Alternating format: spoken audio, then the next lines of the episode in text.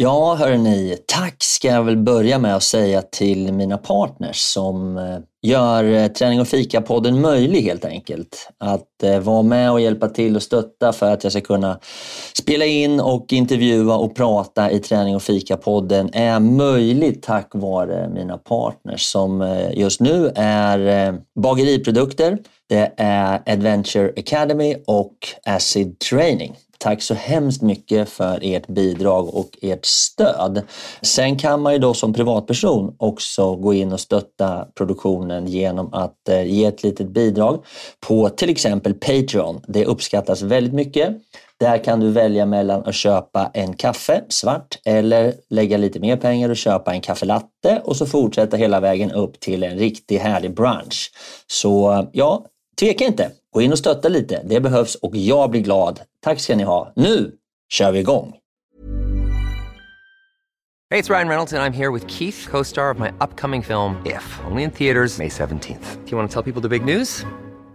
All right, I'll do it. Sign up now and you'll get unlimited for $15 a month in six months of Paramount Plus Essential Plan on us. Mintmobile.com slash switch. Upfront payment of $45 equivalent to $15 per month. Unlimited over 40 gigabytes per month. Face lower speeds. Videos at 480p. Active Mint customers by 531.24 get six months of Paramount Plus Essential Plan. Auto renews after six months. Offer ends May 31st, 2024. Separate Paramount Plus registration required. Terms and conditions apply if rated PG. Wow. Nice. Yeah. What you're hearing are the sounds of people everywhere putting on Bombas socks, underwear, and t-shirts made from absurdly soft materials that feel like plush clouds. Yeah, that plush. And the best part? For every item you purchase, Bombas donates another to someone facing homelessness. Bombas. Big comfort for everyone. Go to bombas.com slash ACAST and use code ACAST for 20% off your first purchase. That's bombas.com slash ACAST. Code ACAST. Planning for your next trip? Elevate your travel style with Quince. Quince has all the jet-setting essentials you'll want for your next getaway, like European linen, premium luggage options, buttery soft Italian leather bags, and so much more. And is all priced at 50 to 80% less than similar brands. Plus, Quince only works with factories that use safe and ethical manufacturing practices. Pack your bags with high-quality essentials you'll be wearing for vacations to come with Quince. Go to quince.com/pack for free shipping and 365-day returns. Vissa frågar mig, så, ah, vad ska du köra idag? Jag bara, jag vet inte, kanske kör något i eftermiddag. De bara, jaha, nej men vi ska ju på det här. Det är först är det crossfit, sen är, sen är det simning och sen har vi rörlighetspass på eftermiddagen. Så avslutar vi med någon cykelgrej upp till bergen. Du har värsta såskoppen där alltså? Ja, jämfört med liksom, genomsnittet, definitivt.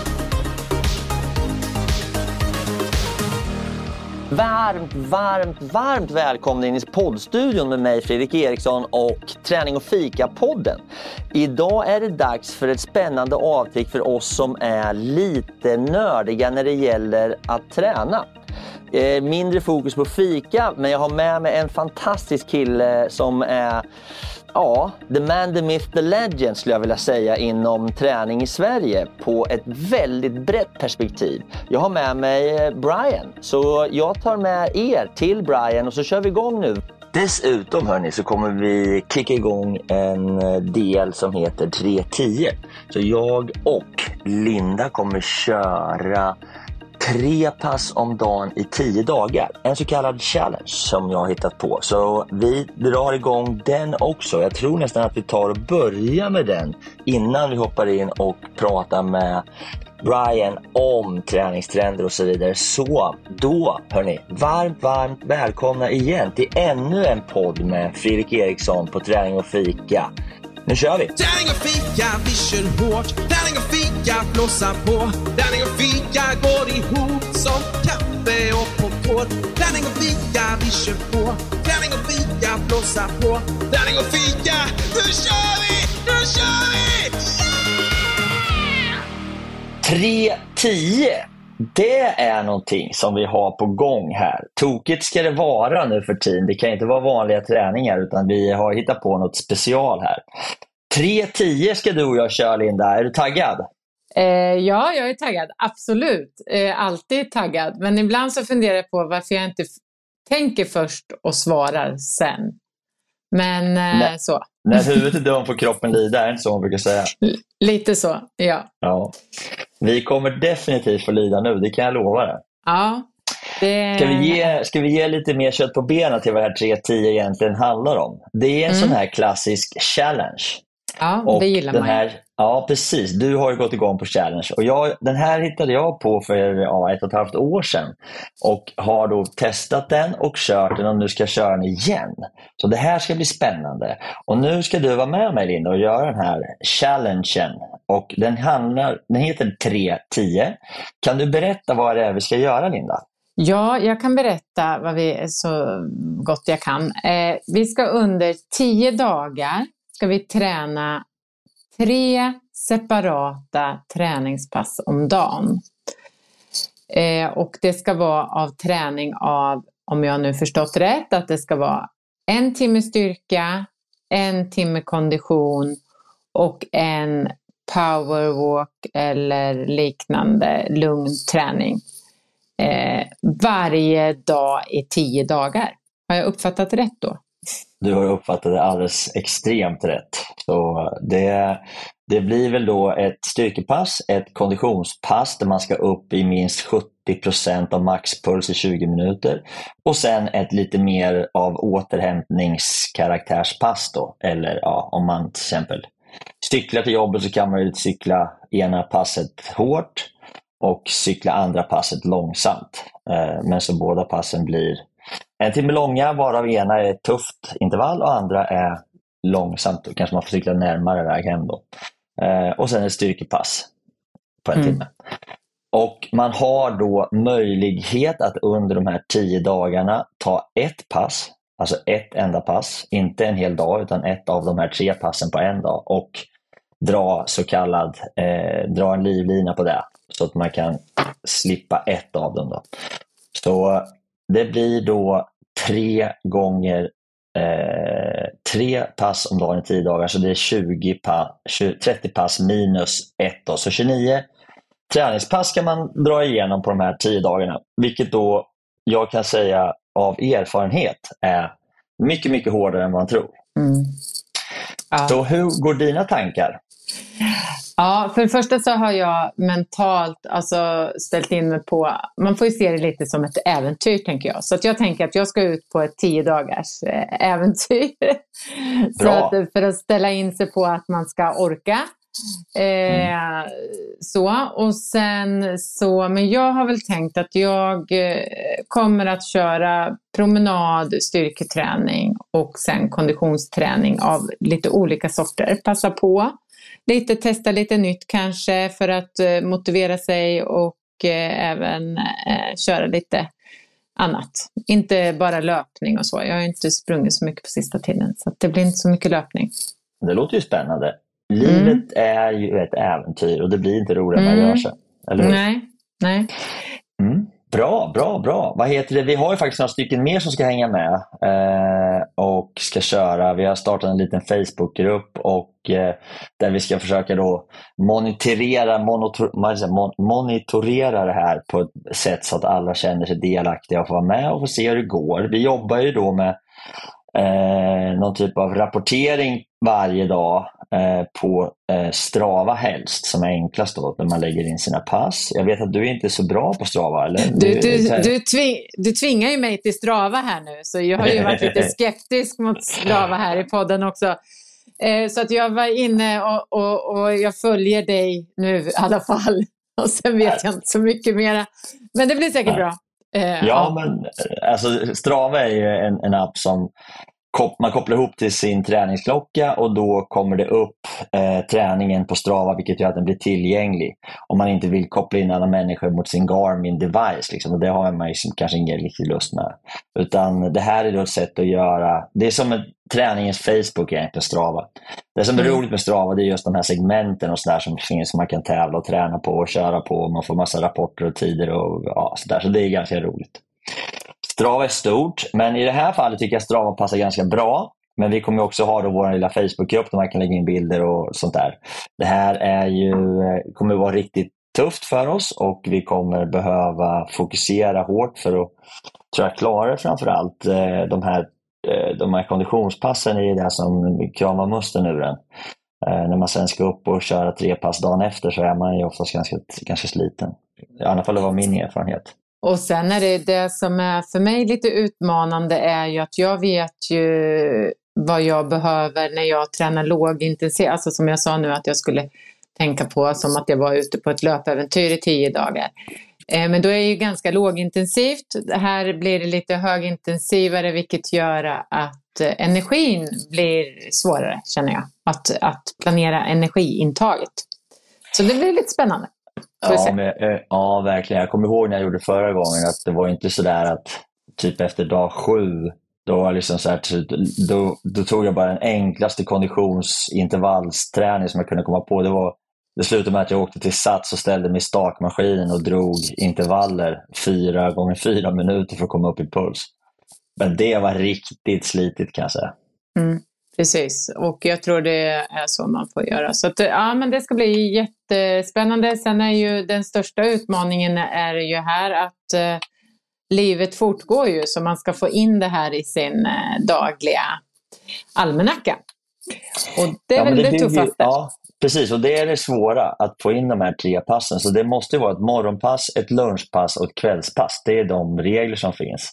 Eh, Du får välja fritt hur och när och var och det passet som du får ta bort får vara vilket typ av pass du vill. Men du får bara ta bort ett. Liksom. Mm. Och sen eh, blir det väl då, det, blir ju, det kommer vara en, en, en fight egentligen från start för att både få till träningen men också få i sig mat och känna att man får sova tillräckligt mycket och att man ja, får ordning på sin planering under den här tiden. För det är inte gjort i en handvändning. Liksom. Eh, jag vet ju bara själv hur det är på luncherna. De flyger ju fram liksom, och då måste man antingen dra på sig träningskläder eller ta sig en lång promenad. Liksom, och det är jäkla tufft. Så att, ja, nej, jag ser, jag ser fram emot det här, den här tokiga utmaningen återigen med skräckblandad förtjusning. Ja, det ska bli jätteroligt. Jag är supertaggad. Jag, ja, jag har planerat liksom hela min tillvaro här. Men det värsta Ja. är att jag måste utnyttja mitt det där eh, att ta bort ett pass redan på lördag. Vilket, vi börjar ju, det kan vi väl berätta här, att vi, Ja. det här kommer ju ut eh, på tisdagen. Vi börjar ju liksom imorgon med det här. Allt, eh, Alltså på onsdagen. Eh, avsnittet går ut eh, på tisdag. Vi börjar den För att 11 re- oktober. För att re- reda ut det här, vi sitter alltså, idag är det måndag och vi spelar in och imorgon bitti släpps poddavsnittet och vi startar 3.10 utmaningen på onsdag. Den 12 va? Eh, 11. Ja, jag skulle tro att det blir den 11 faktiskt. Vi Den vet 11. inte och sen så det kör vi då. Förra gången kom jag ihåg att det jobbigaste var den här helgen när det händer massa saker och så vidare. Så då måste man försöka se till att man inte har för mycket bokat för då rinner tiden iväg och det är inte så kul att stå och köra ett intervallpass lördag kväll klockan åtta. Liksom. Nej, Jag kommer förmodligen dra mitt frikort på, på lördag kväll skulle jag tro. också. Ja, det är Ja. samma. Mm. Men hade du tänkt att köra för olika typer av träningspass då? Nej, men jag hade tänkt att jag ska springa någonting tror jag. Jag har varit ute och känt lite på löpning idag för att se om det skulle kunna funka. Eh, då har jag haft lite eh, löpvila. Eh, och sen så, men annars så blir det lite stakmaskin, lite roddmaskin, lite, lite spinning tror jag vart jag lite sugen på och tänkte att det är ju lite roligt att, att eh, göra det. Det var jättelänge sedan. Så det tänkte jag nog också. Får se. Ja, spännande. Jag får se. Det blir nog rätt mycket skidåkning för mig tror jag. Eh, s- Staknings, rullskidor, stakmaskin kanske. Så här. Får se. Men jag är också taggad som tusan. Eh, Det svåra är då att man inte får lägga in några långpass. För lägger man in långpass då är man ganska stekt sen. Så att, eh, det gäller att försöka hålla sig inom den här ramen de här tio dagarna. Mm. Men eh, vi kickar väl igång det här Linda och sen så blir det då första rapporten blir då nästa vecka på nästa podd. Då har vi kommit lite drygt halvvägs. Precis. Och sen blir det en summering. Så det blir en trestegsraket det här. Ja. ja, det ska bli spännande att se om vi överlever. Kanske ligger som en trasa bara. ja, risken är väl stor att det kommer vara lite slitigt på slutet. Men vi går in i det med höga knän, vi kämpar på och vi är taggade som tusan. Det ska bli jättekul det här. Ja, det ska bli superroligt. Full gas! Ja, nu kör vi.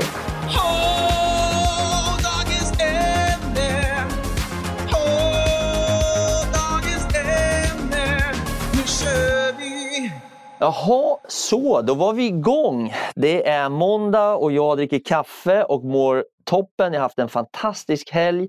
Jag har åkt rullskidor till Uppsala och tagit en lunchfika i Uppsala med CC 1000-gänget på Café så Fågelsång om ni har varit där någon gång. Och det är ett härligt klassiskt stort fik som ligger precis vid Fyrisån. Och, eh, Problemet uppstår när man har suttit och fikat så där länge och haft det mysigt med sina kompisar. Om man har åkt, ja, vi åkte väl fem, 50 kilometer dit, så skulle man då fika, sen skulle man sätta sig sätta på sig rullskidorna och staka hem igen, det är inte alltid lika roligt när man är lite, lite lätt stel, lite lätt trött och, och, ganska mätt och belåten och så ska man då staka sig tillbaka till Stockholm igen. Men eh, det gick bra. Jag har lite ont i kroppen. Var uppe i morse på gymmet klockan, eh, ja faktiskt en promenad klockan 06.00 och sen var jag på gymmet och körde lite grann och då kändes det helt naturligt att bjuda in Brian van den Brink hit och snacka lite grann om,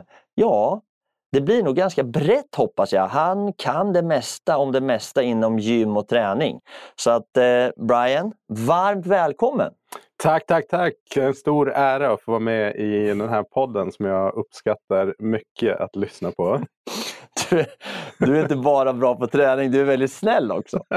Nej, men uh, cred ska man ha om man, om man gör någonting bra. Jag tycker konceptet är briljant. Liksom. Träning och fika, det är en superkombo. Det är, ja, din rullskidshelg uh, här visar ju på liksom, den, den kombinationen. Så att, uh, för mig handlar det mycket om balansen.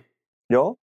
Hörru du, eh, idag sitter vi faktiskt på Soho House och spelar in i deras poddstudio. Mm, grymt! Ja, det är trevligt här. Eh, vi har ju precis druckit kaffe. Jag är lite förvånad att du drar i mjölk i ditt kaffe, Brian. Alltså svart kaffe tycker jag är apäckligt. med, med mjölk så blir det gott helt plötsligt. Så att eh, när folk så här, ibland när man ja, kommer in i den här fikafällan som man, man hamnar i sociala situationer. Så, ja, ah, men vill jag fika? Eh, så ja, men jag tar gärna en kaffe. Och så kanske jag inte säger med mjölk och så kommer man, man ställer fram. Ja du vet idag har vi ingen, ingen mjölk. Och så man bara nej, måste jag plåga mig igenom en svart kaffe? Men alltså, om man ska vara helt ärlig så är det enormt stor skillnad på svart kaffe och kaffe med mjölk. Mm. Alltså det Absolut. är, det är worlds apart. Ja. Vet du hur jag gjorde? Nej. Jag har ju också alltid hela mitt liv druckit kaffe med mjölk. Mm. Men sen så tänkte jag så här, för jag insåg att jag var ganska kaffeberoende. Mm. Så har jag gjort några gånger tidigare där jag slutar med kaffe lite grann. För att se liksom, ja, då får man lite huvudvärk och sen så går det några dagar och sen så tycker man att man har kommit ur det. Men så tänkte jag så här, jag ska göra en riktig omstart för att lära mig att dricka svart kaffe. All right. Och då fanns det flera takes på det här för mig. Ena taken var liksom att ja, men det är ganska onyttigt att dricka mjölk egentligen. Det är liksom ingenting som vuxna människor ska dricka. Mjölk är gjort för barn liksom, som växer. Och så här. så det var ena saken. Den andra saken var att eh, jag kände liksom nå någonstans att, precis som du säger, att man dricker rätt mycket kaffe och börjar man då räkna ihop här, en bra dag med möten och kaffe. Ja, sitter man då och dricker mjölk så här, en kopp, en kopp, en kopp. Helt plötsligt har man druckit rätt mycket mjölk Ja. faktiskt. Men sen, den stora grejen för mig, det var ju faktiskt att se om jag påverkades hälsomässigt av att sluta dricka kaffe. För jag ville se om jag mådde ännu bättre. Just det. Så jag höll upp nästan ett år. Och det tog då som vanligt, i början tog det kanske två, en vecka och sen släppte huvudvärken Mm. och sen tänkte jag så här, nu mår jag bra. Men jag kände så här någonstans att jag var inte, jag var inte riktigt bra. Nej, Nej, right. Och då, och då insåg jag efter ett tag att jag, jag har inte fått ut det här i kroppen än. Så jag höll upp ett år, höll jag upp helt och hållet. Och kanske efter två månader så försvann det här lite att jag kände att hjärnan liksom stötte mot kanterna in i huvudet lite grann. Mhm. Jättekonstigt, men det Ja. tog väldigt lång tid att bli av med hela den här grejen. När jag väl hade blivit av med den så tänkte jag liksom att gud vad skönt, inget kaffe, härligt. Och så levde jag så i åtta månader. Och, sådär. och sen Och bara sen- vaknade jag upp en dag så här. Det är ingen skillnad. ingen, ingen skillnad. Nej. Det är bara jävligt tråkigt. Så då kom den tredje grejen in varför jag ville sluta att dricka kaffe med mjölk. Det var för att jag har någonstans, och det här är också så jävla sjukt, Jag har någonstans en tro på, precis som det är med allting som har olika smak, att olika typer av kaffe ska man känna skillnad på. Så här. Så, och då hade jag tänkt att jag nollställer mig. Jag liksom kör en delete. Mm. Raderar hårddisken, startar om, börjar med svart kaffe för att känna nyanserna i svart kaffet. Är du med? Ja, det var liksom min absolut. teori. Jag skulle få en bättre sensorisk analys och upplevelse av mitt kaffe. För det tycker jag liksom att när man dricker kaffe och har i mjölk i den, Nej, då, då blir allt samma. ganska lika. Ja. Ja. Och så finns det ju massa människor. Allt ifrån vinkännare till eh, fan, tryffelkännare till alla möjliga som har så här pratar och kan orera o- o- om alla smaker. Och, och det finns ganska många som, som håller på med kaffe också. Mm, absolut. Så kaffe är olika smaker. Och jag då skulle då börja om först att lära mig dricka svart kaffe men sen njuta av det och förstå och uppskatta skillnaderna. Så jag tänkte så här, såg framför mig att jag, det här är en arabikabön. och Konnässören. Ja, liksom. men du vet, det var verkligen så. Jävla skit. Och nu har jag hållit på så här kanske i fyra, fem, sex år och bara druckit svart kaffe. Ja. Och visst, jag känner skillnad ibland lite grann. Men skillnaden uppstår inte som, som det här kaffet vi fick här. Jag kan inte säga exakt vilket kaffe Soho House har. Mm. Och jag kan bara säga att det smakar ganska gott. Smakar ganska likt det kaffe jag drack i morse hemma som min fru hade gjort. Som var en Mollbergs blandning tror jag. Och, och det gör mig lite besviken. Jag Så du lite fick inte det heller? Nej men det blev ingen sån. Nej. Så att, jag vet inte tusan. Men det är ganska gott kaffe här. Absolut, det är det. Nej men eh, kaffe, som sagt. Jag, alltså jag är uppvuxen med te. Eh, Tedrickarfamilj. Eh, Så att eh, det blir inte jättemycket kaffe. Eh, jag hörde på, du pratade med Fredrik Sträng om din storbolagskarriär. Jag har ju inte varit i så stora bolag men ändå i liksom näringslivet. Eh, så där. Och där är det mycket möten och det blir kaffe. Eh, Så att eh, jag drack liksom inte kaffe. Och det vart alltid så här, jag vill ha te och det vart alltid så här udda fågeln. Och på den tiden i alla fall så var det så här. Det var inte alltid så att det fanns något te och det teet som fanns var så här gammalt typ barkte smakade. Så att då sket man i det och drack vatten. Och det är inte kul att vara den udda fågeln. Nej. Och det är ju lite också säkert som folk som håller på med olika hälsoresor.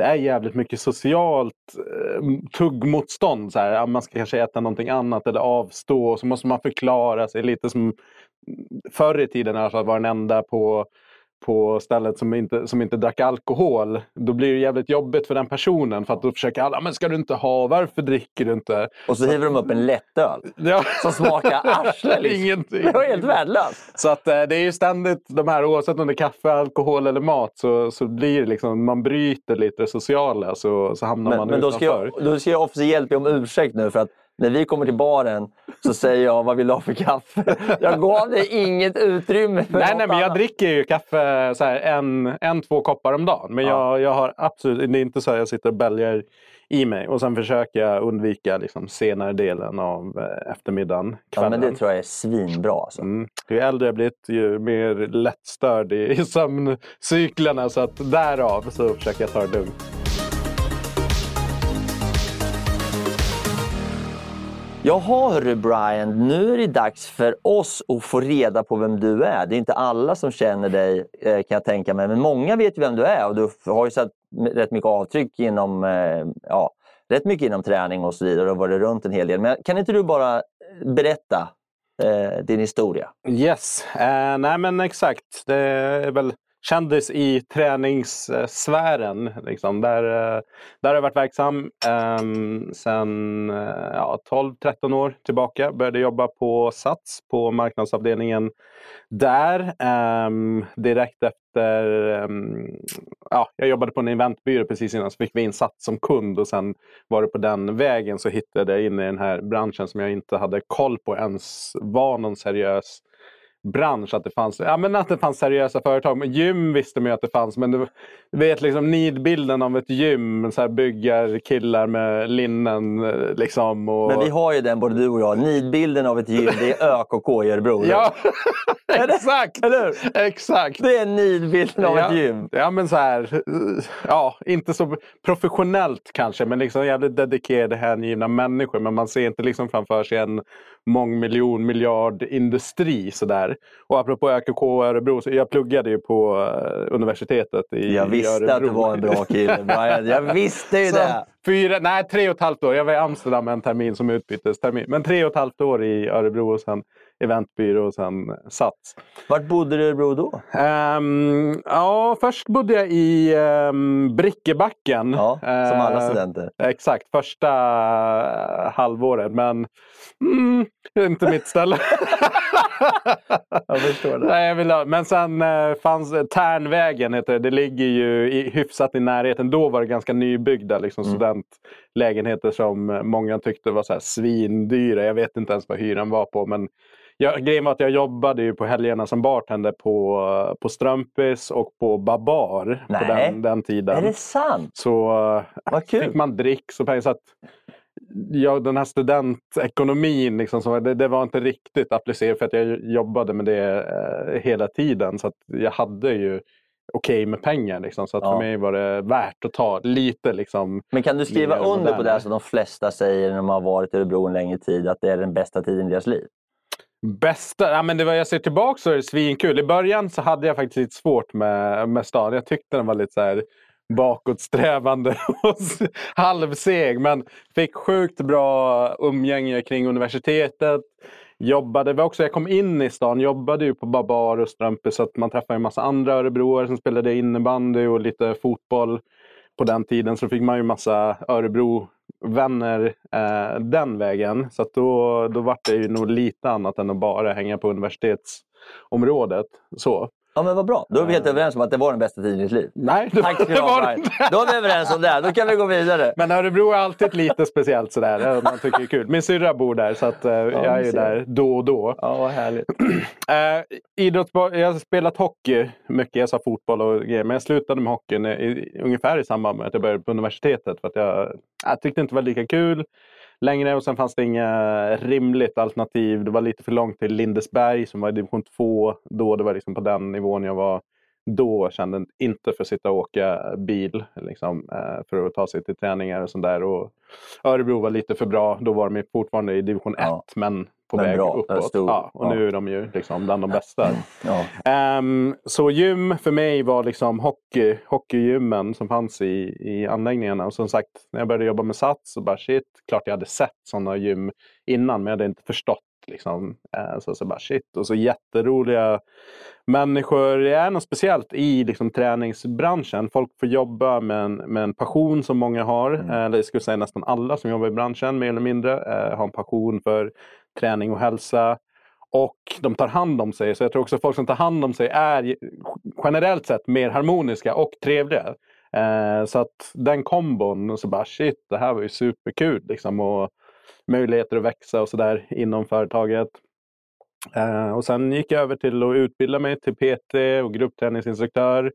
Eh, så jag gjorde lite omvänd resa. Många i träningsbranschen har ju börjat på golvet så att säga.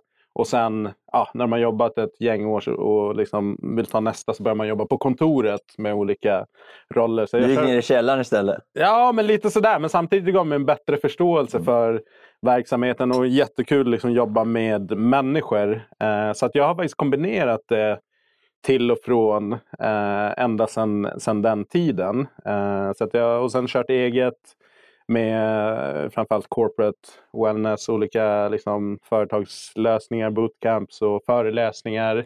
Du har varit på, både på uh, Technogym och, Ja. och du har varit runt på de leverantörerna också till gymmen och Exakt. Qcraft och, Mm. och jobbat där en sväng, eller hur? Så Technogym, Keycraft eh, har jag jobbat på i tre års tid som marknadschef och nordisk marknadschef. Och sen 2018 egentligen, så jag sa upp mig ja, sommaren 2017 och som är kvar ett halvår och funderade lite. Och då hade vi dragit igång, jag och en eh, bekant hade dragit igång, eh, eller en kompis är det, men vi drog igång Sweaty Business-podden som var det första som hände inom ramen för Sweaty Business och där, där jag kanske är mest känd för de flesta i branschen. Och Sweaty Eh, Business är det är en, jag skulle säga det är en nyhetsplattform för de som verkar i och kring träningsbranschen. Så att det inte bara är gym, det är liksom teknik. Alltså den delen växer ju det digitala kring, kring det. Men också försöker lyfta in folkhälsofrågor och liksom olika rapporter och som kan vara relevant för folk som jobbar i branschen. Så tanken är liksom ett slags affärsmagasin fast digitalt um, för tränings, eh, träningsbranschen. Mm. Och, men du skriver, producerar, driver, äger Mm. och, och lever med Sweaty Många Business. hattar har jag. Ja, men det är. Vi småföretagare. Eller hur? Ja. Eh, nej men eh, så är det. Och som sagt jag drog igång det med en kille, Norberto, och sen fick han ett jobb som gjorde att han inte kunde vara med och podda. Men jag kände att ah, fan, här är någonting ändå som är på gång och som man kan göra saker kring. Så det är femårsjubileum nu.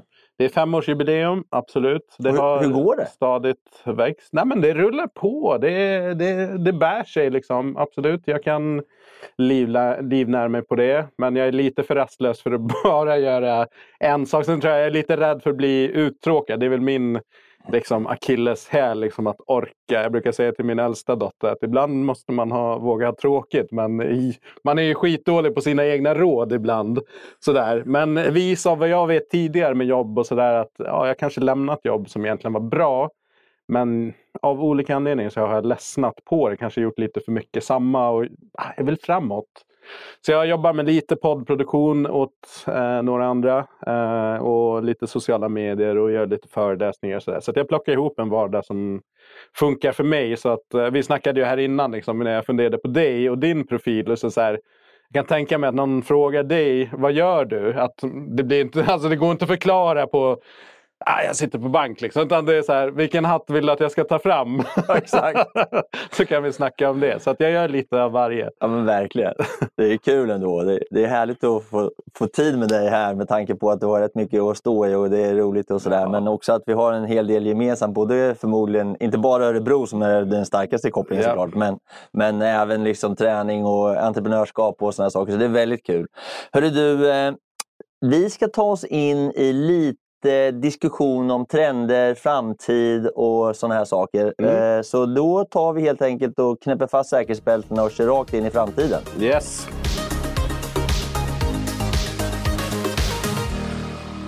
Ja, men då var det väl dags då Brian att ta sig en liten funderare och titta ner i kaffekoppen och se vad Sumpen säger om framtiden inom träning, hälsa, gym, gruppträning, alla sådana här saker. Och eh, min första fråga Brian såklart, med tanke på att du dricker mjölk i kaffet, så får du helt enkelt svara på den här mellanmjölksdiskussionen som finns. Eh, att många ser i framtidskulan att det kommer bli ännu mer specialiserad typ av träning. Mm. Vad tror du om det? Intressant eh, fråga. Ehm, ja, men jag, tr- det är väl både, både och. Tror jag. jag ser absolut väldigt tydligt att folk hittar sin grej och så kör man på det mer eller mindre fullt ut. Eh, Crossfit när man väldigt sån här tydlig att de hämtade garanterat rätt mycket människor som kanske styrketränade eller liknande på vanliga gym, mainstream gym som hittade det här. Bara, shit, någonting nytt och spännande. Yogan är definitivt en sån. Man kanske har börjat eh, på ett traditionellt gym och så bara, ah, men jag vill ha liksom det bästa yoga, eller jag vill in i yoga-communityt. För det är också tror jag en grej kring den här specialiseringen att ja, jo, man kan nästan se en yoga-människa, jag säger inom situationstecken här, framför sig. Man ser en crossfit-typ av person, man ser en uthållighets eller en triathlon eh, människa. Så att det är inte bara träningsformen utan jag tror det är livsstilen och eh, identifikationen. Att man, man ja fan det här är en livsstil som, som passar mig. En träningsform som passar för alla, den är, den är lite på väg ut. Utan man blir mer identifierad Ja. med vad man håller på med. Jag tror det. Jag tror det. Sen finns det ju många liksom, på de traditionella gymmen som kör liksom, de breda. Men om tittar man på dem så tror jag också att om man tittar på någon som kör gruppträning så kör de ju förmodligen en viss typ av Mm. gruppträning och kanske inte spänner över varenda gruppträningsform. Som Men man ser ju till exempel cyklister identifierar sig ganska mycket med cyklister. Ja. De går ju till Eckatlon eller de går till sådana här cykelgym eller Yes. eh, s- spinning. Men det är också ganska intressant. Jag, pratar, jag cyklar ganska mycket både på Mm. Mallorca och men även cyklat genom USA och gjort sådana här saker. Och där kan jag ju se en ganska tydlig skillnad. Jag vet inte vad du säger om den, men skillnaden mellan att vara cyklist och vara spinningcyklist. Mm. Den är väldigt sådär tydlig kan jag tycka. Det är väldigt få spinningcyklister som cyklar ute på riktigt. Ja, den är ju spännande. Ja. Och då kan jag tänka mig att de riktiga cyklisterna tycker att spinningcyklisterna in, inte är riktiga cyklister, eller? Finns det någon sån? Nej, men jag, jag, ja, det här, nu är det ju Fredrik Eriksson som Mm. sitter och funderar, så det finns ju inga belägg överhuvudtaget. Men, men jag kan ju tycka så här att många av dem jag cyklar med kan tänka sig att köra eh, eh, eh, alltså på cykel hemma på en trainer. Mm. Speciellt sen den här, vad heter den här datalösningen har kommit där du kan eh, vara med i de här Ja, köra online mot andra och Precis, ja. liknande. Ja. Så, så, så de kör ju hellre, cyklister kör hellre den själv med sin dator och i, i, i den här gruppen Mm. online än att gå ner på gymmet och sätta sig i en spinningklass med en spinninginstruktör. Ja. Faktiskt. Ja, Eh, ja, det- men den är intressant. Spinning för mig, eh, jag, har alltid tyckt det är jättetråkigt. Jag vet inte, men man kommer liksom ingen vart och så sitter man där. Jag har aldrig gått igång på liksom spinning. Och sen finns det inga regler för hur mycket man ska lägga på heller, Nej, utan- exakt. så det är någon- godtyckligt. Liksom, Ja, och då såklart. tycker jag liksom, då finns det liksom ingen mekanik i det som gör att jag kickar igång på Nej. det. Nej, men jag har förstått det inom cykelcommunityt att hela den här uppkopplade, att man liksom kör mot varandra eller tillsammans med andra fast på distans, att den liksom exploderar fullkomligt. Så det är superintressant. Ja, och där är det många riktiga cyklister för där finns Ja. det ju liksom tydliga grupper och, och tävlingar och race. Och, Mm. Så att, ja, men det är spännande. Ja, det finns en annan trend eller spaning eller fundering som florerar på olika ställen, Brian, och det är det här med hur man ska beskatta träning. Mm. Eh, jag vet att ni på Sweaty Business har skrivit om att man vill, eller kanske till och med har redan infört en ska, helt skattefritt på all typ av träning i till exempel Rumänien. Ja. Men jag vet också att vi pratade om att det finns tankar i Norge om att det ska bli mer skatt på träning. Mm. Och då är min fråga så här, vad fasiken tycker du om det egentligen? Alltså, den, den är intressant. Grundinstinkten är såklart eh, bort med skatten. Så, bi, så billig träning som möjligt eh, är lika med positivt. Eh, samtidigt, så här, jag tycker träning generellt sett är eh, billig. Alltså det finns ju gratis träningsformer i princip. Ute och promenerar och liksom kroppsviktsgrejer. Det finns hur mycket som är gratis som helst på Youtube som man kan, kan följa med. Så att jag tror inte det är där det sitter. Och vi är ju ett relativt rikt land. Eh, även om det är lågkonjunktur och liksom tufft sådär. Men helt ärligt, om man nu då gillar att träna på, på ett mainstream gym där du kan göra liksom hur många aktiviteter som helst varje dag och liksom duscha, basta och hela skiten. Vi har ganska hög nivå på våra gym jämfört med vad man får för samma peng utomlands. Eh, så nej, alltså det är inte där det sitter för oss. Kanske i Rumänien att det, att det spelar roll, men inte i, i de nordiska Det- länderna. Jag tror inte vi får in fler som, Nej. som, eh, som kommer igång. Möjligtvis att folk kör, alltså, tecknar upp sig, men det är ju det stora problemet att typ hälften av alla gymkort inte aktiveras. Eh, folk, det, vi har ju vårt friskvårdsbidrag som gör att liksom fördelaktigt och folk vill använda sin, sin, sitt friskvårdsbidrag på någonting. Men sen då? Så jag skulle hellre se någon mekanism där man belönas för att man faktiskt aktiverar sig. Skattelättnader eller liknande som påverkar privata ekonomin. Ehm, Koppla satsappen till Skatteverket.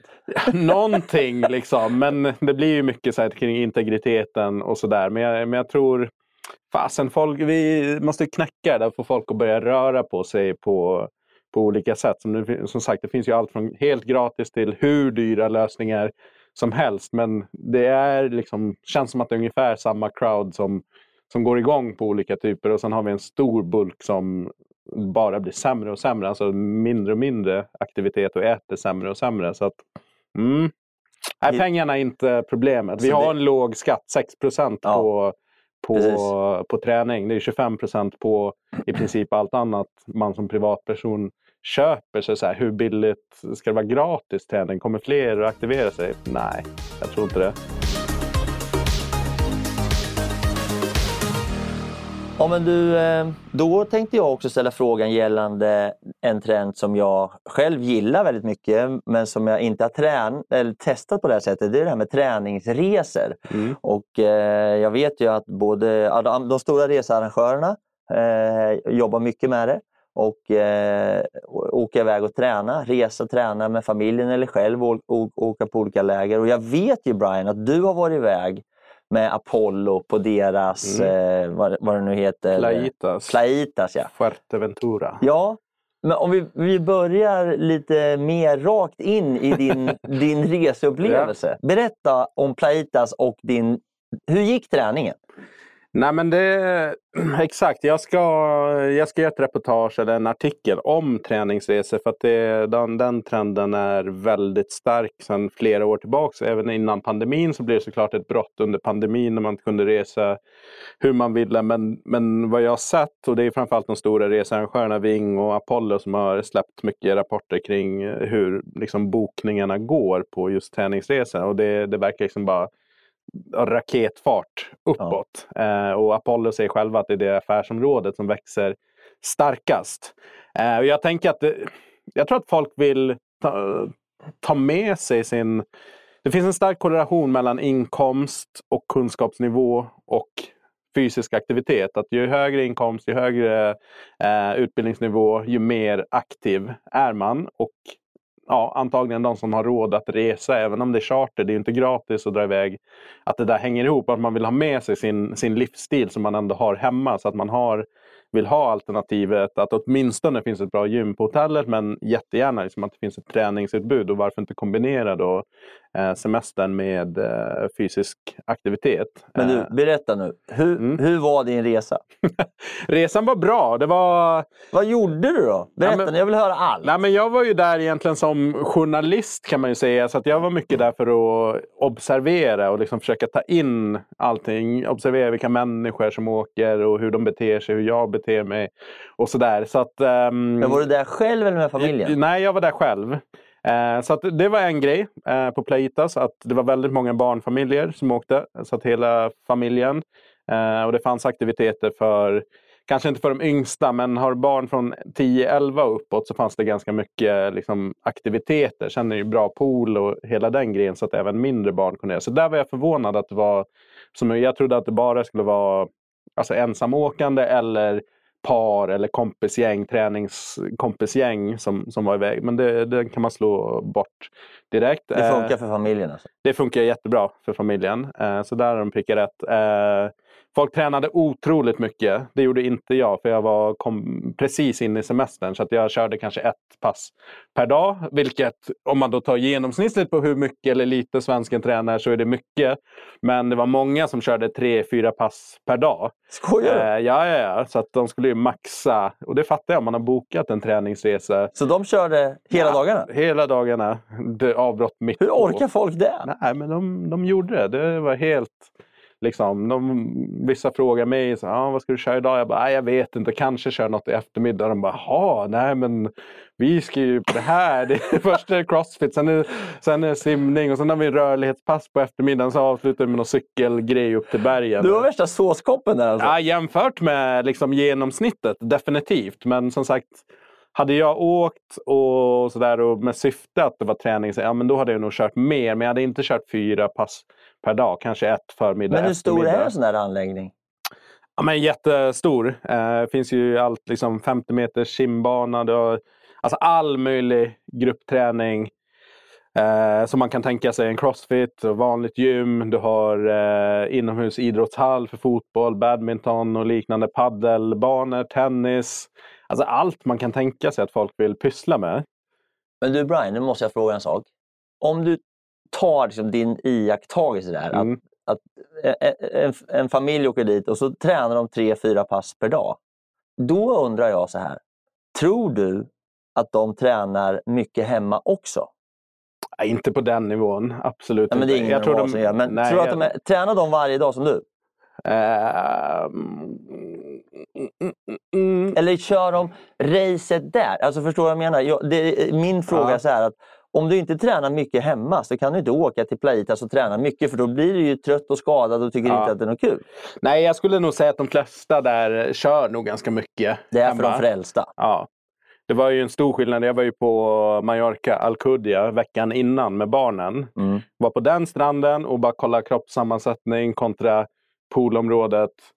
folk var inte superatleter, men det var inga fet, det var liksom knappt någon som var överviktig. Nej. Folk var normala, alltså så, så som en Ja. människokropp ska vara om den är, den är frisk. Ja. Så att det var en jätteskillnad i liksom demografin där, hur, eh, ja, hur kroppen eh, såg ut. Så att det är ju ett klientel som är aktiv. Man såg barnen hade idrott, alltså lagtröjor från sina lokala lag. Så att man, så här, idrottsfamiljen kan man Men då en, en, en annan intressant fråga. Om vi säger så här, om vi låtsas då.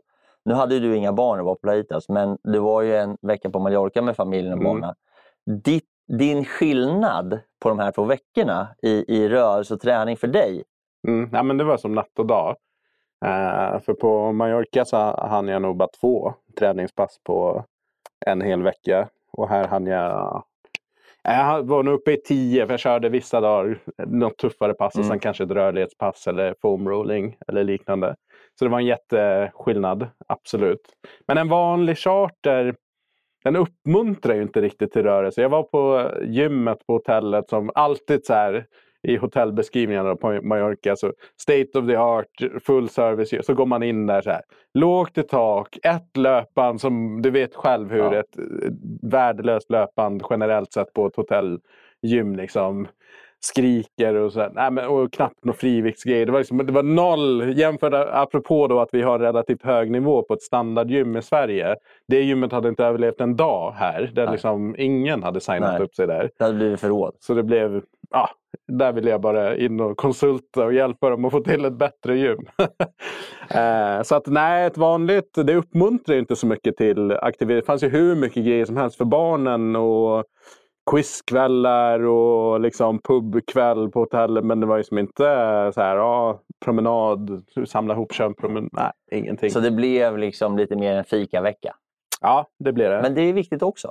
Det är absolut viktigt, men man kan ju hitta en, en balans eh, i, i det där. Men vissa blir ju, det, jag känner att klyftan mellan de som är aktiva och de som inte, alltså den växer sig större och större. Där jag vågar ju knappt, om jag är i sammanhang där jag vet att det är folk som kanske inte är eh, aktiva som jag är. Jag ger mig aldrig in och säger så här, gör så här eller så här. Då får de fråga, för att det blir alltid den, ja men du som håller på med det här, hur ska man då ger jag mig in i det där. Men för att jag vet, det, då kommer direkt liksom eh, draperiet och bara stängs för. Vissa stänger ju bara av så fort de hör, ah, jag vill inte höra någonting om träning. Det är, liksom, det är en hets och hit och dit. Men det är jättemärkligt att man eh, inte kan hitta en, en jämvikt. För det finns jäkligt många som inte gör någonting alls. Och då tänker jag så här, ja, är det hets att man skulle vilja få upp det att gå kanske 15-30 minuters promenad varannan dag eller någonting? Är det för mycket begärt? Ja, men ibland kan man bli så förvånad liksom att folk tycker så här att ja du, det här är alldeles för hårt. Mm. Man bara, hur menar du? Ja, men jag blir svettig. ja, men det är träning vi håller på med. Ja, måste utmana på sin nivå. Alltså för att utvecklas. Men jag tror också folk är fan rädda för att ta i. Liksom. Det blir lite tufft och obekvämt. Nej, nej, då backar man hellre ur. Liksom. Men fan, man måste ju pusha sig själv lite grann. Sen behöver man inte göra liksom, 50 kilometer till Uppsala. Men du kanske gör 10 kilometer då på söndagen eh, på rullskidor eller Någon någonting. gång då och då. Ja, Ja, men vi konstaterar i alla fall att vi tror att träningsresor kommer fortsätta att växa. mm. Vi men- tycker att de är bra Absolut, det tycker jag. och det Men det- passar alla. Det passar alla. För där kommer också in, som vi pratade om tidigare, med den här lite specialiseringen. Eh, Playitas är ju egentligen mellanmjölk. Eh, för att du får allt smörgåsbord. Men det finns ju också temaveckor eller mer specifika yoga-grejer, crossfit. Mm. Så att folk kan pricka in sitt. Så det tror jag också kommer hända inom träningsresan. Att man är lite mer specifik på, på sitt intresse och väljer den typen av eh, resor. Ja, jag säger så här Brian, jag säger Strava. Och för de som inte vet vad Strava är så är Strava en app som man kopplar till sin cykeldator eller till sin klocka eh, för att få då olika typer av mätningar och eh, statistik och så vidare. Och Sen har Strava någonting annat som de kallar för segment. Och Segmenten är olika sträckor där människor har då valt att definiera en sträcka som ett segment och när man då använder sin Strava-app så kickar automatiskt in topplistor, dagens bästa, veckans bästa, per åldersgrupp och massa sådana här saker som gör att man då kan jämföra sig och se hur bra eller dåligt man, man har åkt eller sprungit eller cyklat eller vad man nu har gjort. Och jag använder Strava väldigt mycket, har gjort det ganska länge och älskar Strava. Så eh, då tycker jag att det är intressant, och vilket är för mig helt oförståeligt, att Strava har då eh, 20, 21, 22 gjort en analys av att andelen människor som genomförde ett maraton 2021 i Strava, andelen har fördubblats. Mm. Vilket jag tycker känns helt osannolikt att folk har börjat springa mer maraton. Vad förklarar man det med? Jävligt bra fråga. Det är liksom efter, efter pandemin. Jag vet inte, det kanske blev någon explosion. För jag vet inte. Jag tror Stockholm Marathon hade rekorddeltagare nu i, i våras. tror jag. Det förklarar det här. Ja, så att... Um, nej men det har nog varit en generell trend kring mer och mer extremt om man säger så. Då. För att maraton, om man sa det för 20 år sedan, då var det så här. Mm, då var det verkligen hardcore. Och sen maraton idag, absolut en tuff utmaning. Men det är ganska många som jag känner som inte så här, det är inte ultra, det är inte he-mans liksom. Som, som, men de, de, de krigar sig igenom ett maraton. Så jag tror gränserna också har, alltså man har pushat fram för vad som är en en, en rimlig utmaning. Men fördubblats, äh, det, det vet jag inte. Sen är ju frågan, reggar, de har ju signat upp ganska många under pandemin. De växte ju extremt mycket. Jag tror två miljoner användare per månad under, under pandemin hade Strava som att folk la till i och med att utomhusaktiviteter generellt sett Ja. blev superpoppis. Ja. Folk ville inte vara inne tillsammans med andra människor. Så det kan nog vara en faktor också av att folk börjar regga i, i appen. Eh, den. Men jag tror definitivt att fler och fler liksom pushar fram. Man börjar kanske med ett fem, fem kilometers lopp. Och idag är det ingen som säger okej, fem kilometer, lo- det är ingen som publicerar det på några sociala medier. Tyvärr. Så här gäspning. Tyvärr. Så här, tio kilometer, millopp. Du får, inte, du får inte en tumme upp ens. Nej, du får en tumme upp om du gör något. Maraton, absolut. Typ long tough viking eller någonting, absolut. Men, eh, men så här, det som... Bara, Nej, Nej. tyvärr, du får inga Men rygg, du, då, ryggdunkningar. då kommer frågan kring det här med, med segregering. För att Mm. jag kan tycka så här, jag har sprungit många maraton och det är jobbigt. Mm. Så här, då blir du svettig. Och då undrar jag, liksom så här, är det här ett tecken på att det blir ännu mer de frälsta springer och springer längre och hårdare och de som inte springer, springer ingenting alls? Jag tror det. Att det, den liksom klyftan växer sig allt, allt större. Och, och vilka är det som springer mara? Det är ju alltså tillbaka till det här med inkomst och utbildningsnivå. Hänger mycket samman med, med det. Så att jag skulle kunna garantera liksom genomsnittsmaratonlöparen eller någon som pysslar med cykling, triathlon, alltså inkomst och utbildningsnivå. Mm. Så att vi, det jag tycker är oroväckande på ett samhällsnivå, det är just den, den segregationen som är att okej, vi lämnar en väldigt stor andel människor bakom oss som av ekonomiska orsaker eller liksom att man har ett jobb som man inte kan komma loss. Jag menar, du och jag kan ju, vi kan ju dra ut på förmiddagen klockan 11 om vi skulle vilja för att man kan man pussla. Men någon som sitter i, kör taxi eller som sitter i ett jobb där du måste fysiskt vara på plats under ett visst antal timmar. Ja, men det är klart som fasen att det är skittufft. Och sen när du avslutat ditt skift, ja men då är det familj och barn och allting. Så att den är ju jäkligt oroväckande. Och det tricklar ju ner på barnen. Ofta att inaktiva föräldrar, inaktiva barn. Jag hade ju en tjej med i podden för ett tag sedan som, när vi pratade om hennes resa, hennes liv och så vidare. Hon var gymnastiklärare nu. Mm. Eh, och hon sa ju, vilket var väldigt tråkigt att höra, men att det var många barn som hon hade upp till sexan då som de hade så, så dålig fysik så att de kunde liksom inte riktigt nästan träna och röra sig. Nej. Och så var det en annan artikel som jag läste om, om försvaret, att försvaret börjar flagga för att Mm. barn och unga idag är för dåligt tränade för att ens klara att göra militärtjänsten. Ja. Nej, Vad, det- liksom, vad, säger, vad, säger, vad säger du som journalist? Eller vad, säger, vad är din spaning på det här med nästa generations eh, fysiska förmåga? Nej, men det är, alltså, det är ju ett fundament i ett samhälle. Är, Sverige har ju varit ett föredöme eh, under väldigt många år och kanske alltid varit kanske i, i framkant. Att det har varit tillgängligt. Vi har haft liksom en föreningstänk, folk engagerar sig på olika sätt, barnen, och det har liksom varit billigt. Eh, och då kan man tycka, så, ja men DDR, Sverige och liksom hela... Och det kan man tycka olika, men just ur det här perspektivet att få med så många som möjligt och att det ska vara tillgängligt.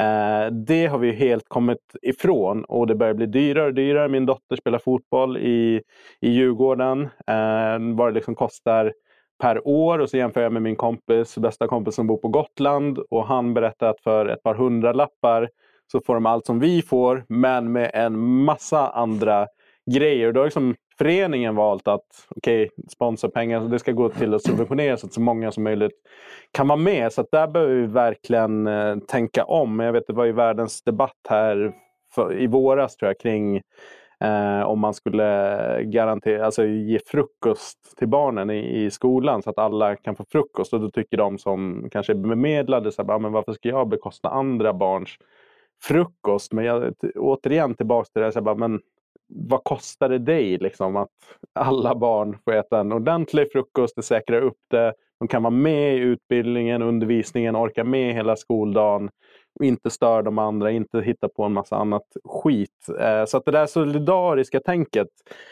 jag är lite rädd att det, det, det har försvunnit, blivit mycket, mycket mer individualistiskt i Sverige. Eh, På gott på vissa delar, på vissa delar på, på ont. Eh, Och det blir en jävla spiral alltså. Men jag, jag tycker att det där är spännande och jag, jag har ju sagt att om det kommer ett parti som säger att en av våra valfrågor är att det ska vara gymnastik varje dag Mm. Eller idrott varje dag i skolan, då kommer jag rösta på det här partiet oavsett allt annat. Mm. Men då lägger jag till nu i den här att frukost också. Ja, Så absolut. frukost och gymnastik varje dag, eh, då, då, då, då, det, det måste gå åt det hållet. Mm. För vi måste ta hand om alla.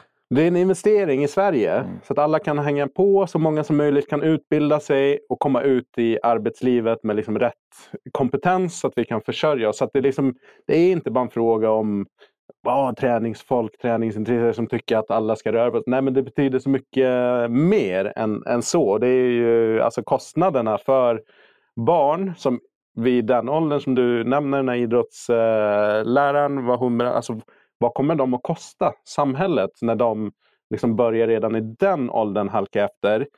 Eh, vi har barn, alltså 20-åringar som har förslitningsskador, de har benskörhet, de har stelhet som ska vara kanske motsvarande någon som är i 60 plus åldern och det börjar redan i 20 20-talet liksom. Mm, det blir en jävla nota. Men nu ska jag Alltså, berätta en, en, en hemlis. Ska du få höra. yes. Så här. Eh, Min dotter spelar fotboll och jag fick jag höra nu att de har tränat fyra gånger i veckan. Eh, Men de, jag kan knappt säga det. Och de, det är ganska, de satsar rätt hårt, liksom. det är Ja. ett duktigt fotbollslag. Men de har paus. På, trä- de tränar en och en halv timme och de har paus. Mhm. När jag fick höra det, jag bara, vad, vad menar du? Nej men då har vi paus, då vilar vi lite. Jag bara, men på trä... Liksom vadå? Ja, då, då, då, jag liksom bara, för mig är det så otroligt långt bort Mm. att du går på en och en halv timmes träning och du har paus Ja. för att man ska kunna sitta och snacka lite grann och bara vila. Jag förstår, jag förstår.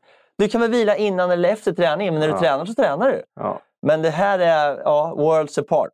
The World's Apart och vi sänker tröskeln. Det är bara sista grej på det. Jag såg, eh, det var ju någon studie i somras, eller det bubblade upp här för några veckor sedan.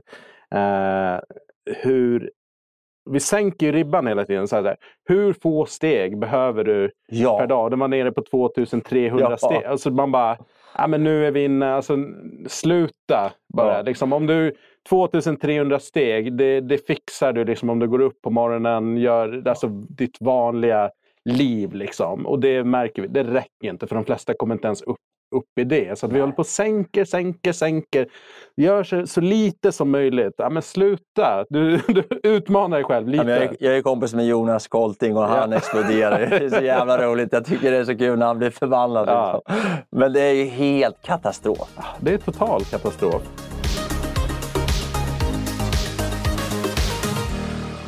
Ja, vi fortsätter lite grann tycker jag eh, med, med eh, Strava. Jag är Strava-fan som jag har Yes. sagt tidigare. Men då har de också kommit fram till någonting. De tittar på sina aggregerade resultat ifrån allas träning och så vidare har de kommit fram till en slutsats som jag tycker är ganska spännande. Som jag, för mig är det 100% självklart. Jag lever precis så som de har kommit fram till. Och det är att de hävdar då i den här eh, aggregerade rapporten och analysen som de gör att användare som tränar ihop eller i par inspirerar varandra till att träna längre. Mm. Eh, och, och det är ju någonting som jag eh, tycker är himla häftigt. Och hela den här, de kallar det för community-tänket. Då, liksom. Mm. och, och, och, och jag har alltid levt så. Jag kan nästan inte träna själv. Nej. Jag är liksom sjuk åt andra hållet. Så säger du så här, Freddan nu stiger vi ut och springer. Då säger jag så här, ja. Men skulle du säga så här, Freddan nu får du gå ut och springa. Då säger jag nej. Nej, all right. Ja. Och det här är deras analys, att det är stor skillnad. Mm. Ja, och jag är inte förvånad alls. Eh, som sagt, jag kommer ju från gym, träningscentervärlden på, på Sats och annat håll. Och eh, där såg man ju väldigt tydligt de som tränar gruppträning eh, stannar längre i genomsnitt som, som medlemmar. Så att eh, det är någonting i liksom det personliga mötet som får antingen du connecta med instruktören eller andra deltagare som får dig att gå. Liksom, Mm. Så det blir ett litet klister. Men det som är intressant är också så att den här community-delen har man ju trott tidigare så här face to face, att vi måste ses fysiskt. Men det visar sig att det är ganska starkt även digitalt, att du är del av en community. Och där finns det ju ganska många spännande koncept liksom, som binder ihop människor digitalt. Man kanske kör träningen individuellt men man har en gemenskap som binds ihop av något digitalt lager där man kan liksom diskutera med andra, pusha varandra. Och, Och även och sådär. träna tillsammans nu. På cyklingen gör man Ja, exakt. Så, Men jag har en take på det där. Mm. Eller jag, jag som allmän medelmåtta säger, jag, i min lilla värld, det här får man nästan inte säga heller, men, men i min värld så är det så här att de som är riktigt duktiga på att träna och motivera sig själva, Mm. de blir världsmästare. Ja. Och det är ju inte jag. Nej. Nej men så är det ju säkert. De är ju ofta en annan, lite annan breed. Liksom. Lite, Ja. nej, men nu, för att bli, eller, det är ju intressant så här med till exempel Zlatan. då. Han är osympatisk i viss, vissa sammanhang och det kommer ut historier om hur han har betett sig i omklädningsrum och så, så här. Men jag tror också så här, det är extremt svårt att bli bäst om det är lite mellan, mellan mjölk. Och det är så här, Steve Jobs och så här, mm, superinspirerande entreprenör, men skulle man vilja jobba bredvid honom? Eller när, jag tror inte det. Jag tror det är en jättejobbig person. Elon Musk också samma, men Men Ja. Duplantis nu då, som, Ja. som tog hem sitt andra VM-guld. Tänk dig hur mycket träning han har gjort själv. ja, absolut. Dag ut och dag in. Mm. Och då, liksom, då vet man själv att träna själv är, ganska, det är inte svinkul. Fredrik Eriksson hänger med Fredrik Eriksson. Ja. Hur känns det idag då Fredrik? Jo, det känns ganska bra. Fan vad trött jag är. Jajamän, nu kör vi imorgon. Nej, det går inte. Nej. Och det är skillnaden tycker jag mellan människor som blir riktigt, riktigt bra till sådana som mig som blir så här medelmåttor. Mm. Ja, nej men det, det ligger nog någonting i det. Och sen, men jag tror för gemene man kanske då att, att, man krä, att det krävs att man har det här sociala mm, kittet som sätter Ja. ihop en och som gör att man Står man någon och väntar på dig såklart, Ja. då är det ju liksom, det går inte om, du- om då Exakt. måste du gå dit. Och jag är lite 50-50. Jag gillar att träna själv. och Man har jobbat så där, bara ut och springa eller göra någonting. Eh, Men jättegärna också andra aktiviteter där man kör tillsammans. Jag kommer ju från lagidrotten också. Så att, ja. Mm. Men du är ingen medelmåtta heller. Ja, Nej. men i jämförelse med dig så är jag ju fan amatör Nej, på träningsnivå. Absolut inte.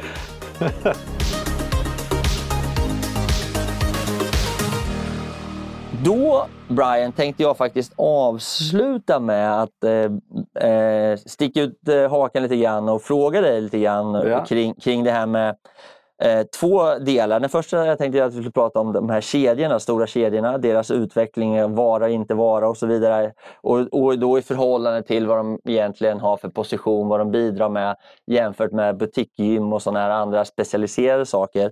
Och sen så tänkte jag att vi skulle ta oss in på de här stora märkena som, börjar, eh, som levererar massa saker till gymvärlden men som också börjar flytta in i gymvärlden Ja. och eh, konkurrera på massa olika plan. Då. Men om vi börjar med de här kedjorna så skulle jag då, liksom, jag är medlem på Sats Ja. och har varit det ett antal år. Och eh, vad tror du om, vad är Sats framtid? Hur ser den ut?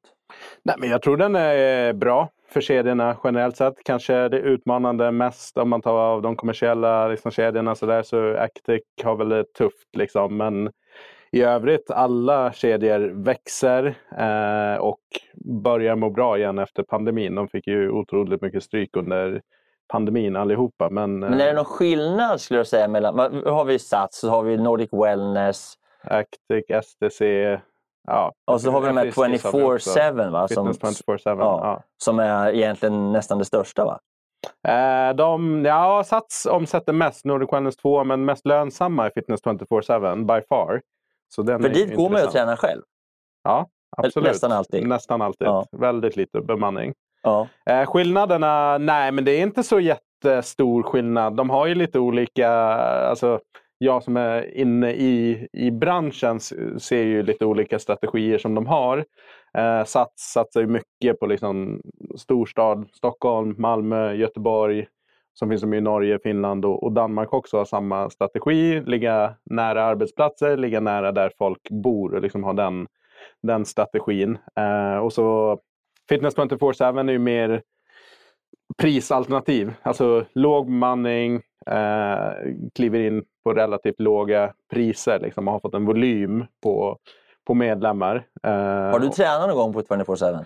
Eh, nej, det har jag faktiskt aldrig gjort. Eh, deras lite äldre anläggningar är inte så kul, men jag har varit på dem såklart eh, och, och kikat. Och de nyare är ju...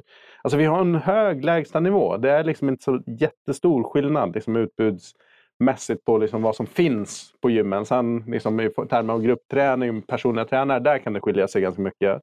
Men du, de här kedjorna, Mm.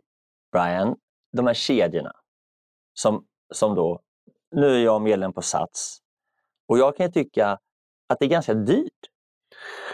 Alltså vart går gränsen för vad man är beredd att betala för att gå på ett gym? Ja. För det är ändå det Sats till mycket är. Sen ska man lägga till ännu mer pengar för att gå på klasser. Mm. Men det, Vad betalar du då? Jag betalar typ så här 550 spänn i månaden. typ. Mm. Ja, men det där är jävligt intressant. Eh, jag, eh, ja, men det är ju, vad, vad är man beredd att betala? Jag kan tycka att det är relativt billigt. Om jag jämför med typ amerikanska motsvarigheter till Sats, då, om vi tar dem som exempel. Så du kommer ju inte under tusenlappen där för exakt samma liksom, typ av nivå och locations och liknande. Så det har blivit någon grej också att det, det är dyrt med träning i Sverige. Jag, jag tycker verkligen att prisnivån är på tok för låg egentligen. Men kollar man Tyskland så är det ungefär på samma nivå. 45 euro någonstans i, i snitt Ja. som ett medlemskap kostar. Så det verkar ju vara någon slags benchmark där, där runt. Men jag tänker så här, fan 500 spänn i, i månaden. Hur många gånger går du? Ja, men jag går ju ganska ofta på gymmet. Ja, Jag är gymrotta. ja men 10 gånger per månad dit eller Ja. ännu? Ja. Så här 50 spänn per gång ish. Folk kan ju bränna det varje dag på en latte i kiosken på vägen till, till jobbet och kanske en på vägen tillbaka. Så det är lite intressant. Man är beredd att bränna, liksom, testa att gå på bio en gång eller käka lunch ute. Du är snabbt uppe i de pengarna. Sen om du käkar lunch ute varje dag, arbetsdag som folk har. Eller om man har hybrid så käkar man Ja. lunch ute. Du kommer ju inte under hundralappen Nej. numera. Så jag vet inte. Jag, jag tycker inte för dyrt. Så jag, jag tycker som värdet som man får eh, kontra prislappen tycker jag är, är faktiskt superbt. det Sen kan jag tycka det är tråkigt att det är lite same same. Ja. Det är väl min... Men det finns ju ett problem med det här. När du köper din kaffe latte för 50 spänn, då Mm. får du ju den. Ja, När du köper din, din entré till, till Sats ja, så är det så här, ja, det bygger på att du går dit. Och Mm. de flest, eller många köper ju Satsmedlemskap och använder det inte så mycket. nej. Så då blir ju latten ganska dyr. Eh, om man då säger 500 spänn så har du varit där en gång den här månaden. Mm. Så att det, det kan jag tycka, det finns, en viss, det finns en viss problematik i att om du jämför då med att spela tennis där du betalar 500 spänn för en gång. Mm. Men då har du ett abonnemang och då går du dit. Ja. Men på gymmet så köper du ett abonnemang och så går du dit några gånger och sen så bara äh, så halkar du ur det här. Mm. Nej, och det är klart, det blir ju dyrt om du inte nyttjar det. Och, och, och, och i ditt fall, när du nyttjar det så tycker jag att du får ganska mycket värde för, för det jämfört med en paddeltid eller en, en tennisbanetid. Så det är lite vad man själv värderar. Men sen har vi också som sagt var, friskvårdsbidraget är ju ganska unikt i, i världen. Eh, Det är inte många länder, om ens några som jag kommer på, som har det subventionerat på, på den nivån. Nej. Eh, Så för väldigt många som jobbar, jag tror att det är över 95 procent av alla arbetsgivare som erbjuder något friskvårdsbidrag. Sen spänner det alltifrån kanske tusen spänn upp till flera tusen. Så att rätt många har det helt subventionerat. Så att den där 500 per månad som man tycker är dyr, det är, så här, det är inte du som betalar för Nej. den i slutändan. Ehm, så att, och det kan vara ett problem också. För att det jag, jag upplever att när folk betalar för någonting, som i, i det här fallet i liksom träningssammanhang. Man betalar för något, då sätter man ett värde på det och då nyttjar man det. Men när det är lite så här, det rör egentligen inte min ekonomi så mycket. Det blir så här blaha blaha. Och Exakt.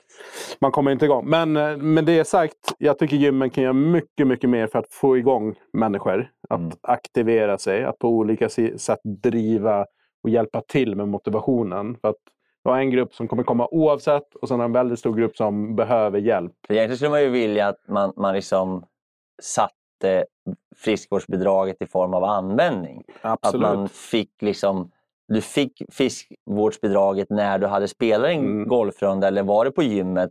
Att det var åt det hållet istället. Och det kanske inte är helt omöjligt med tanke på att digitaliseringen eh, går ganska fort. Ja. Och så småningom kanske man då kan faktiskt tracka vad man egentligen gör och att man får bidrag efter det. För idag är det många som plockar ut sitt friskvårdsbidrag bara på någonting i slutet av året för att använda dem. Ja, ja, absolut. Och det var ju Försvarsmakten inne på i den här DN Debatt-artikeln. Att ska man inte koppla det till ett aktivitetsbidrag istället? Att om man nyttjar det, Mm. då får man ta del av subventionen. Och använder man inte det så får man inte det helt enkelt. Nej.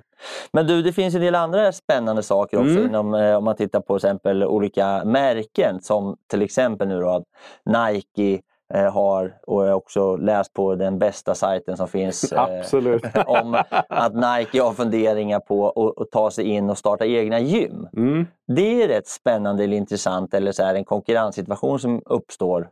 Absolut. Eh, Nike har ju öppnat, eller ska öppna nu i LA. Flera studios kommer de öppna eh, med lite olika fokus.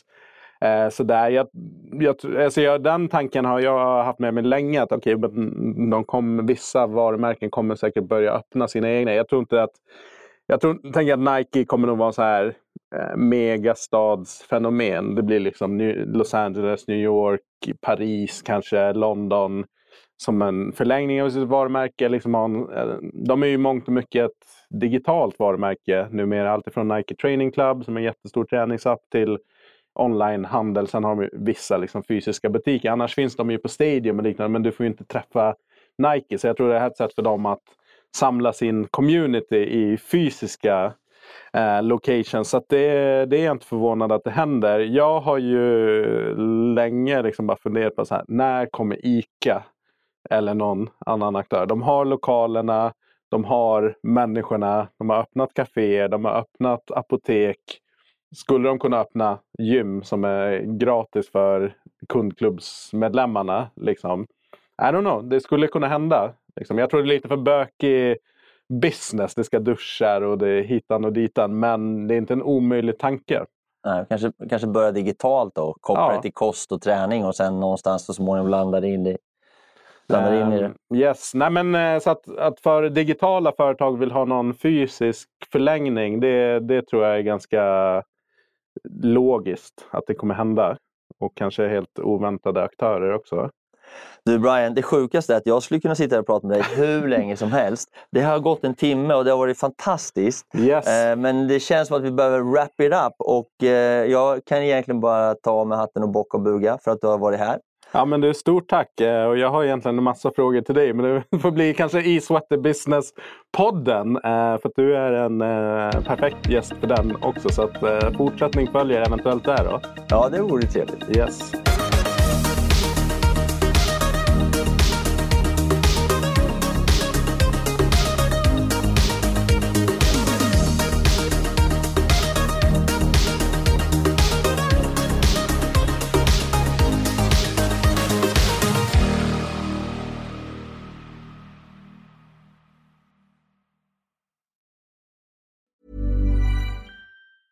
Even when we're on a budget, we still deserve nice things.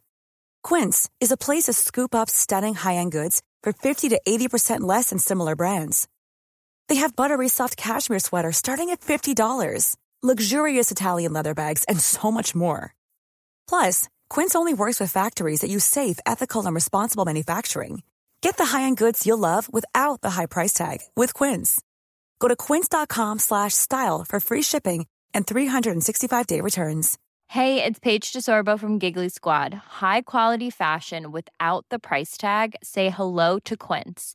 I'm snagging high-end essentials like cozy cashmere sweaters, sleek leather jackets, fine jewelry, and so much more. With Quince being 50 to 80% less than similar brands. And they partner with factories that prioritize safe, ethical, and responsible manufacturing. I love that. Luxury quality within reach. Go to quince.com slash style to get free shipping and 365 day returns on your next order. Quince.com slash style. Imagine the softest sheets you've ever felt. Now imagine them getting even softer over time. That's what you'll feel with Bowl and Branch's organic cotton sheets. In a recent customer survey, 96% replied that Bowl and Branch sheets get softer with every wash. Start getting your best night's sleep in these sheets that get softer and softer for years to come. Try their sheets with a 30-night guarantee. Plus, get 15% off your first order at bowlandbranch.com. Code BUTTERY. Exclusions apply. See site for details. Det var allt för den här gången hörni och jag tänkte avsluta lite kort med att återigen tacka mina fantastiska partners och sponsorer som är Bageriprodukter, Acid Training och Adventure Academy. Och eh, återigen, har du en krona över eller är helt enkelt sugen på att bjuda på en kaffekopp så gå in på min Patreon och eh, köp en kaffe, en kaffelatte eller en hel brunch så kan jag fortsätta spela in podden, producera nya härliga avsnitt och eh, fortsätta att underhålla dig. Hoppas du har haft en fin lyssning och att vi snart hörs igen. Tack så mycket. Hej då!